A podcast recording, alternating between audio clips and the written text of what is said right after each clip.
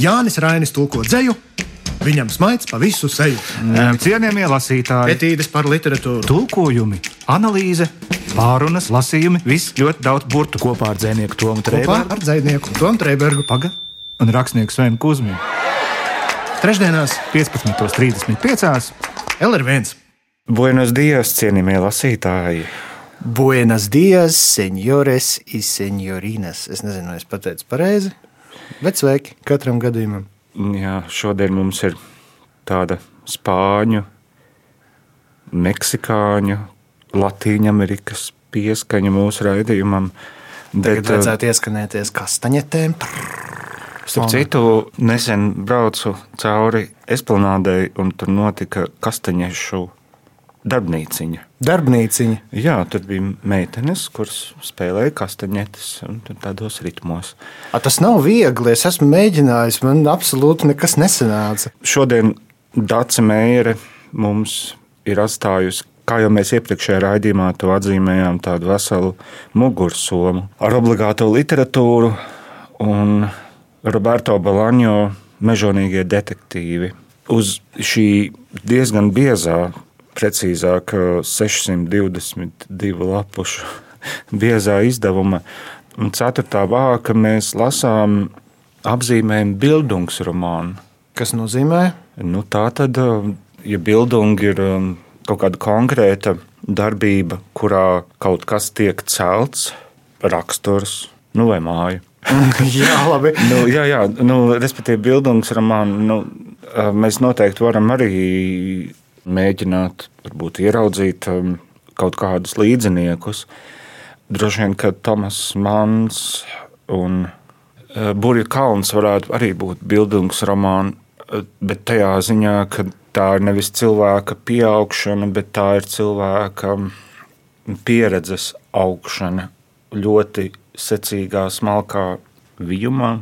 Nu, attiecībā uz šo grāmatu pavisam noteikti. Šis ir tāds um, attīstības stāsts, laikam tā to varētu nosaukt. Bet, nu, jā, tas ir tik dīvaini paņemt tik milzīgu literāru darbu un tad mēģināt kaut kā sašaurināt to aprakstu līdz uh, vienam vārdam. Par laimi mums tas nav jādara. Zini, es vienmēr esmu bijis šausmās, kad man kaut kāda iemesla dēļ saka, bet varētu lūdzu uzrakstīt divus teikumus par savu grāmatu. Jā, jā, jā. Nē, es nevaru uzrakstīt divus teikumus par savu grāmatu. Ja, man vajadz, ja es varētu, es nerakstītu grāmatu, es rakstītu divus teikumus. Šis darbs pirmo reizi tika izdots 1998. gadā un saņēma pietiekami vērā ņemamu skaitu literārā balvojumu, piemēram, Prēmiju Romulo Kalegos un Prēmiju Heralde. Un 2007. gadā ļoti lielu popularitāti iegūst mežonīgo detektīvu angļu valodas izdevums, un kā mēs lasām jau uz pieminētā ceturtā vāka, būtībā iesākās tāda globāla sensācija, ko varētu nosaukt par Bolāņo māniju. nu, viņa Dācis Meijeras tulkojumā šī grāmata šķiet sarakstīta latviešu. Jā, tas ir tas, kas ar Vanegūtu kaķu šopuli, kad tu lasi oriģinālā un pēkšņi vairs nav tas, nav vairs tik labi. Man liekas, ka Balaņo gadījumā varētu nākt par labu gan lasītājam, gan jebkuram, kurš eh, kaut kādā veidā strādā ar viņu tekstu. Tas, ka viņa stāsts, viņa vēstījums nav monolīts. Viņš sastāv no ļoti pašpietiekamām detaļām. Tādā ziņā Balaņo ir ārkārtīgi pateicīgs fragmentu lasāmais autors. Viņam ir tādi mazi stāstīņi, baisņas tādas, un viena aiz otras tādā milzīgā kopumā pēc tam tās baisņas eh, sastājas. Un, tas ir ļoti jauki, jo, piemēram, nu kā, viņš būtībā lielā mērā apraksta nu, vispār literāro dzīvi, kāda tā ir. Un, ja mēs teiksim, jebkur pasaulē pievēršamies mūsdienu literārās dzīves apspriešanai, viņi pārsvarā arī tiek apspriesti caur tādām, neteiksim, ka sadzīviskām anekdotēm, bet caur kaut kādām tādām mazām etīdēm. Un, uh, tas man šķiet, Balaņā gadījumā ir ārkārtīgi izteikti. Ziniet, kā, ja tas būtu viens vienīgs stāsts šādā apjomā, tad dieviņš žēlīgais to nebūtu iespējams vispār. Nu. Jā, es domāju, tas stāsts, kā jau te minēji, viņš nav monolīts un viņš ir ļoti mainīgs. Bet jā, es domāju, ka tikai fragmenta nolasīšana mūs varētu ievadīt vēl dziļāk šajā cienījamo lasītāju analīzē. Nu, labi, tad jau droši vien no jaunā dzinieka Balaņo pašiem, pašiem pirmsākumiem. Man patīk domāt, ka šis tiešām dzīvē tā arī notika.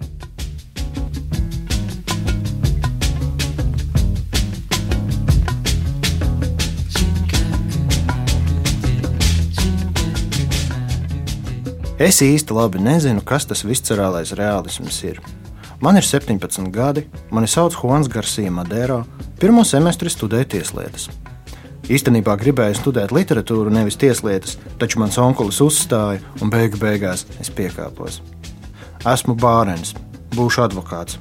Tā es pateicu onkulim un tantei, tad ieslēdzos savā istabā un raudāju visu nakti. Vai vismaz lielu nakts daļu. Pēc tam, šķietami samierinājies, iestājos slavas apvītajā juridiskajā fakultātē, taču jau pēc mēneša pierakstījos uz Julio Cesara Alamo vadīto dzīslu meistardarbnīcu filozofijas un filoloģijas fakultātē, un tādējādi iepazinos ar reāliem viscerālistiem, viscerālu realistiem, viscerālistiem vai pat vicereālistiem, kā viņiem reizēm patīk sevi saukt. Pagaidām bija piedalījies meistardarbnīcā četras reizes, un nekad nekas nebija noticis. Tas ir nebija noticis nekas īpašs, jo vienmēr jau kaut kas notika. Mēs lasījām dzējoļus, un Lamo atkarībā no garstāvokļa tos vai nu slavēja vai satrieca pīšļos. Kāds lasīja, Alamo kritizēja, lasīja nākamais, Alamo kritizēja, lasīja vēl kāds cits, Alamo kritizēja. Reizēm Alamo tas apnika, un tad viņš lūdza, lai mēs, tie, kas to brīdi nelasījām priekšā, arī pakritizējam. Un tad mēs kritizējām, bet viņš lasīja avīzi. Ar šādu paņēmienu lieliski varēja panākt, lai neviens ne ar vienu nedraudzētos, vai arī lai draugu attiecības būtu slimīgas un balstītos uz aizvainojumu. Tomēr nevar apgalvot, ka Alamo būtu labs kritiķis, lai arī nemitīgi runāja par kritiku. Tagad domāju, ka viņš runāja tikai runāšanas pēc. Viņš zināja, kas ir perifrāze, nepārāk labi, taču zināja. Toties nezināja, kas ir pentapodija, un tā ir piecu pēdu rindiņa klasiskajā metrikā, kā ikvienam labi zināms un tāpat nezināja ne to, kas ir nikarhiskā vārsma, kas ir līdzīga falēkiskajai, ne to, kas ir tetrastiks, četru rindu strofa. Kā es zinu, ka viņš to nezināja? Tāpēc, ka pirmajā seminārā pieļāvu kļūdu un to pajautāju. Pats nezinu, kas man bija uznācis. Vienīgais meksikāņu dzinieks, kas to visu zina no galvas, ir Octavio Pass, mūsu lielais ienaidnieks. Pārējiem par tādām lietām nav nekādas sajēgas. Katrā ziņā tā man apgalvoja Ulis Slima dažas minūtes pēc tam, kad es pievienojos viscerālā realisma rindām un tiku tajās draudzīgi uzņemts. Kā drīz vien varēja pārliecināties, biju izturējies netaktiski uzdodot šos jautājumus Alamo. Pirmajā brīdī nodomāju, ka smaids, ko viņš man veltīja, pauž apbrīnu. Pēc tam apjēdzu, ka tas drīzāk bija nicinājums. Meksikāņu dzinieki, un manuprāt, dzinieki vispār nevar ciest, ja kāds norāda uz viņu nezināšanu. Taču es neatkāpos, un pēc tam, kad viņš otrās nodarbības laikā bija iznīcinājis dažus manus dzējoļus, pajautāju, vai viņš zina, kas ir rispeto. Alamo nodomāja, ka es pieprasu respektu un cieņu pret saviem dzējoļiem, gari un plaši spriedelēt par objektīvu kritiku pārmaiņas pēc, kas esot mīnu lauks, kurš jāšķērso ikvienam jaunam dzējniekam un tā tālāk un tā joprojām, taču es viņu pārtraucu un paskaidroju, ka manā īsajā mūžā man nav nācis neprātā paģērēt cieņu pret saviem pieticīgiem sacerējumiem, vēlreiz uzdevu viņam to pašu jautājumu, šoreiz cenšoties izrunāt skaidrāk. Ko nu bāžaties man virsū ar tādiem sūdiem gar siema dero, teica Lamo. Rispeto, dārgo pasniedzēji, ir liriska dzējoļa paveids, vai, ja gribam būt vēl precīzāki, stramboto līdzīgs mīlestības dzējoļa paveids, kurā ir 6 vai 8, 11 zilbju vārsmas, no tām pirmās četras serventesio formā, bet atlikušās savienotas divrindēs. Piemēram, un es jau grasījos viņam noskaidrot pāris piemēru, kad Lamo pielēca kājās un pielika šai diskusijai punktu.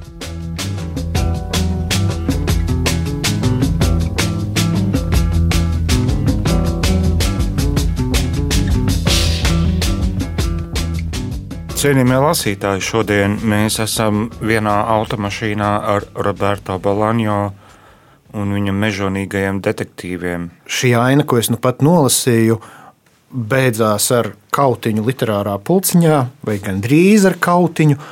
Tā jau arī notiek tajos literātu sarīkojumos, vai ne? Cīņas ideoloģiskā laukā.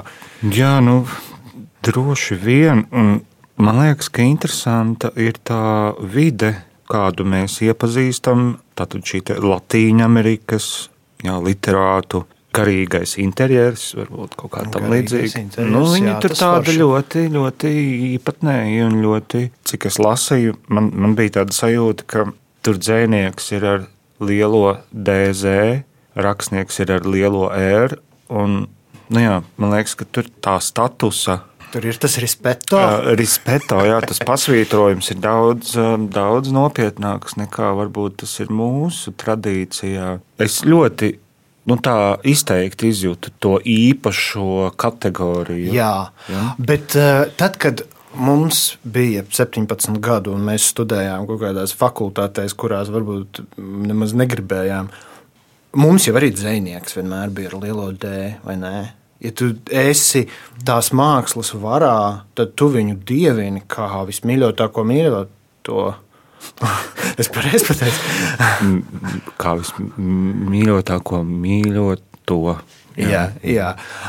Tur man, man, piemēram, ļoti patika tas uh, pretnostādījums, ko es arī izjūtu tajā vecumā, ka teiksim, nu, viņš, piemēram, redz savus vienaudžus vai čaļus, kas ir divus, trīs gadus vecāki, viņi ir baigi krūtie literāti. Viņi visus pazīst un iet uz visiem pasākumiem, un viņi publicējas. Un tu uz viņiem skaties, mazais dzēnieciņš, būdams kā uz kaut kādām milzīgām figūrām, kas savā noplukušajā skatā ir daudz lielāka par visādiem raņiem un oktāvio pasiem. Bet tur ir ainas, kur arī cilvēki ne no literārās pasaules, bet no, teiksim, biznesa aprindām, vai no, vai no tieši otrādi no kaut kādas diplomāti. diplomāti, vai no kaut kādas vienkārši klasiskākas, augstākas ešalona literatūras, arī paskatās uz tiem jaunajiem. Viņi domā, nu, kas tie tādi ir? Kaut kādi plukatas, kur vienkārši lecās ar visiem. Un, nu, Proti, Balaņā viņš kaut kā dzīvi parāda visās šķautnēs, kādas vien ir pieejamas. Labi, nu tad vienu šķautni es arī nolasīšu. Lūdzams, lūdzams.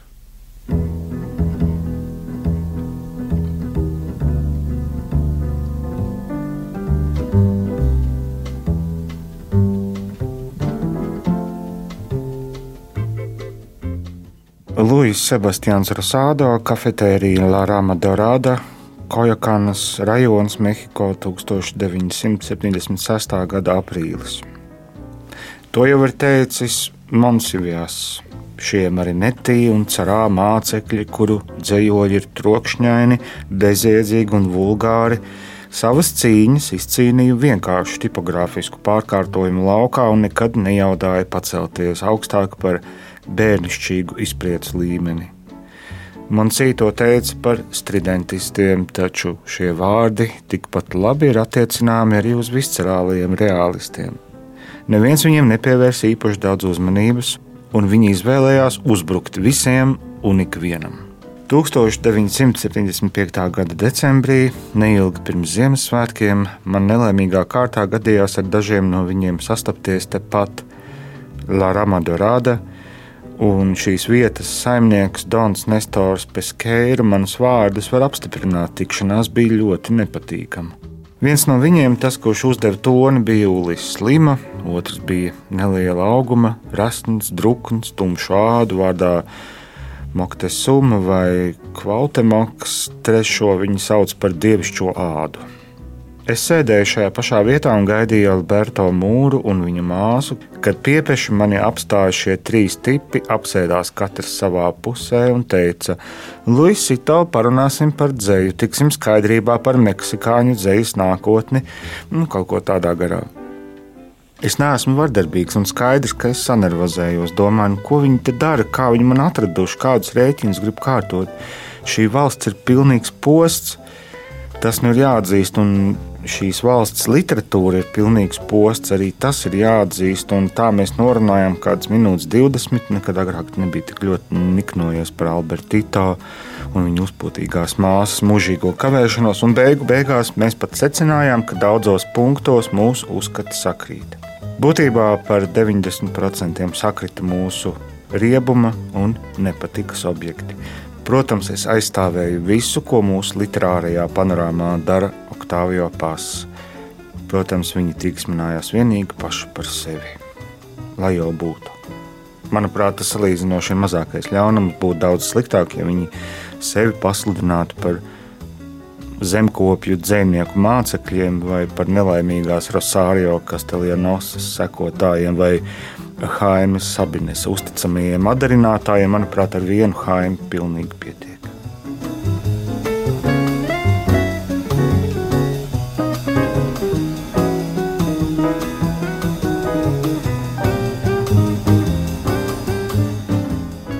Citu, interesanti, ka Balaņo vienā intervijā stāstīja, ka viņš teica, es vispār neesmu rakstnieks plašām masām. Un tur jebkura cilvēka gaumē es esmu rakstnieks izsmalcinātai publikai, vai kaut kā tā viņš teica. Īpatnēji, ka vienlaikus viņš nav no tiem smagnējiem. Viņš ar savu izsmalcinātību saglabā tādu. Es nespēju iedomāties, ka viņš varētu kādam būt grūti pieejams lasīšanas ziņā. Ja cilvēks kaut vienu reizi ir dzirdējis džēzu, tad Balāņo viņam ir pieejams, manuprāt. Jo, jā, man liekas, tā valodas muzikalitāte un tas vieliskums, ja, kas ir ļoti izteikts. Un, un īsnībā kopš Markas es neatceros tik vielisku valodu kā šī te, kas ir mežonīgajos detektīvos, un starp citu arī angļu valodas tulkojumā. Nu, tas droši vien ir saistīts ar to, ka viņam ir ļoti, ļoti daudz mazu detaļu. Tās detaļas ir tādā slānī un tik mazas, ka viņš veido tādu kā faktūru gandrīz vai kurai šķiet, ka var pieskarties. Bet um, nu, cita lieta, ka lielai daļai publikas, kas ar literārām izdarībām ir mazāk saistīti, nu, varbūt daļa no tā visa varētu nelikties interesanta. Es runāju tieši par šo grāmatu. Jo, zini, kā mūsu literātu problēmas lielai daļai cilvēces nav nekādas problēmas. Lai gan viņi runā arī par citām lietām, piemēram, tie ir diezgan plaši aprakstīti studentu nemieri Čīlē. Un, uh, nu, arī uz lieliem vēstures notikumiem viņi skatās. Nu, tā kā jauniem cilvēkiem uz to arī ir raksturīgi skatīties. Tur bija brīnišķīga aina par, manuprāt, čīliešu dzinieci, kur tajā brīdī, kad uh, bruņotie spēki ieņēma universitātes pilsētiņu, viena no jaunajām dziniecēm ieslēdzās toaletē nodzīvoja tur laikam kaut kādu nedēļu, vai cik tur bija pārtika no toaletes papīra visu to laiku, un gaidīja, kad tie bruņotie spēki aizies prom. Nu, tas tās mazās dzīves anekdotas, kas šajā grāmatā ir milzīgā daudzumā. Jā, un reizēm tas anekdotiskais slānis ir mānīgs, un tur ļoti ātri parādās kaut kāds drāmas aspekts, vai, nu, vai arī kaut kāda vienkārši neliela bezcerība, varbūt tā varētu teikt. Nu, anekdotas jau par bezcerības caurvīdes žanrs. Nē, anekdotisks nav labs vārds. Es domāju, anekdotas varbūt tādā Zašenko vai Platonova izpratnē drīzāk. Tās mazās lietas, kas kaut kādā nesaprotamā kārtā veido lielo dzīvi. Nu, tas arī kaut kādā ziņā, vismaz kā es to redzu, nu, atspoguļotās grāmatas uh, uzbūvi. Zini, kā, kurš to teica? Navālis vai kas? Ka labs romāns jau ir nevis stāsts, bet pastaiga ar autoru pa tām vietām, caur kurām viņš tevi var izvest. Un uh, šī ir gara pastaiga. Faktiski, nu ir, apkārt pasaulē mēs esam bijuši vismaz vienu apli. Šī ir pastaiga mūža garumā kaut kādā ziņā. Viņi izskatās pēc grāmatas, bet, manuprāt, tā ir kaut kāda dzīves esence, kura ir apstādināta uz brīdi. Un, man liekas, tas ir visaugstākais novērtējums, ko var pateikt par jebkuru literāru darbu. Jā, jā, es tev pilnīgi piekrītu. Man šķiet, ka tas laikam ir viens no tiem literatūras uh, lielākajiem uzdevumiem, pat manā izpratnē. Jo es pat nevaru iztēloties, cik milzīgai ir jābūt ambīcijai, lai uzrakstītu grāmatu, kurā ir viss tāds grāmatas, var saskaitīt varbūt uz divu roku pirkstiem. Bet tajā pašā laikā es nedomāju, ka Balaņo bija tik milzīga ambīcija, kad, viņš šo rakstīja. Es pieļauju, ka viņš tieši otrādi ar diezgan lielu pieticību un pazemību. Tā burtiņa pa burtiņam, kā tu mēdz teikt. Man liekas, ka tā pat nav pazemība, tā ir kaut kāda pārmiesošanās tekstā, varbūt tā. Īstenībā, jā, jā, jā, un arī cilvēkos pievērs uzmanību tam, ko Dārcis jau mm, teica, ka tie ir vairāk kā 40 balsis grāmatas vidējā daļā, un uh, katru tekstu stāsta kāds cits personāžs. Un, uh, Interesanti, viņš tā kā tādā dokumentālajā filmā rindotos kadrus ar dažādiem cilvēkiem, kas stāsta. Bet uh, ir skaidrs, ka katru no šīm lomām izpilda viņš. Tāds viena aktieru teātris, kur viens aktieris pilnībā pārmiesojas 40 un vairāk lomās. Cienījamie lasītāji, ja jums sanāk satikties ar Roberto Balaņo, tad esiet droši, ka jūsu dzīve nekad vairs nebūs tāda kā līdz tam brīdim. Nu, bet tā ir. Tā ir. Tā laikam ir. Un, uh, man šīs grāmatas ietvaros ir vēl viena liela cerība, starp citu. Es jau pirmie teicu, ka literātu problēmas normālam cilvēkam nav nekādas problēmas. Bet varbūt varētu ar mazu piebildi līdz brīdim, kamēr viņš ir izlasījis Roberto Balaņo mežonīgos detektīvus. Jo man šķiet, ka ja nu kādam ir izdevies parādīt literārās mākslas lielumu, svarīgumu un uh, to patiesībā Efe noturību, efektu. nu arī noturību pret laiku, jo tur jau visu laiku mainās tās literātu paudzes, un viņas tur kaut ko berzējas savā starpā, bet beigu beigās kalpo vienam un tam pašam, pat ja viņi ideoloģiski nu, nesakrīt. Un, um, jā, es ceru, ka pēc šīs grāmatas arī normālam cilvēkam literāras problēmas var kļūt par problēmām. Tādā veidā, cienījamie lasītāji, jums būs vēl vairāk problēmu. Nu, šīs pozitīvās nots Jā. atvadīsimies. Un vasara ir tik forša un uh, novēlams, starp citu, lai jums ir mm, kaut kāda vieta, kur pārlikt pāri ugunskuram, nu, vai tur, vai arī iebrist kādā ezerā. Jā. Jo jādara tās lietas, kas vasarai piedien. Tieši tā, un siestas laikā izmantojiet iespēju palasīt Roberto Balāņu. Sī, Sī, Antonio, sī. sī, Antonio. Arrivederci. Ne, bet tas, tas bija nā- itāliski. ir itāliski. Tas bija itāliski. Holā, holā. Holā vienmēr dara, es tā pieļauju. Dāca varbūt nepiekrīstu. Bet, jā, visu labu cienījamie lasītāji. Un, Nu, es nezinu, vienkārši lasiet balāņu. Nu, es tagad saprotu, kāpēc Dārts iepriekšējā raidījuma beigās bija tik kategorisks. Vienkārši lasiet, kas jums ir. Kas ir lasīt? Jā, Tā. visu labu. Jānis Rainis tulko dzēju, viņam smaids pa visu seju. Cienījamie lasītāji, Etīdes par literatūru. tulkojumi, analīze, pārunas, lasījumi, viss ļoti daudz burtu kopā ar dzinieku Tomu Trēbergu ar dzinieku Tomu Trēbergu. Paga un rakstnieku Svenu Kusminu. Trešdienās Piektdienās, 15.35. LR1.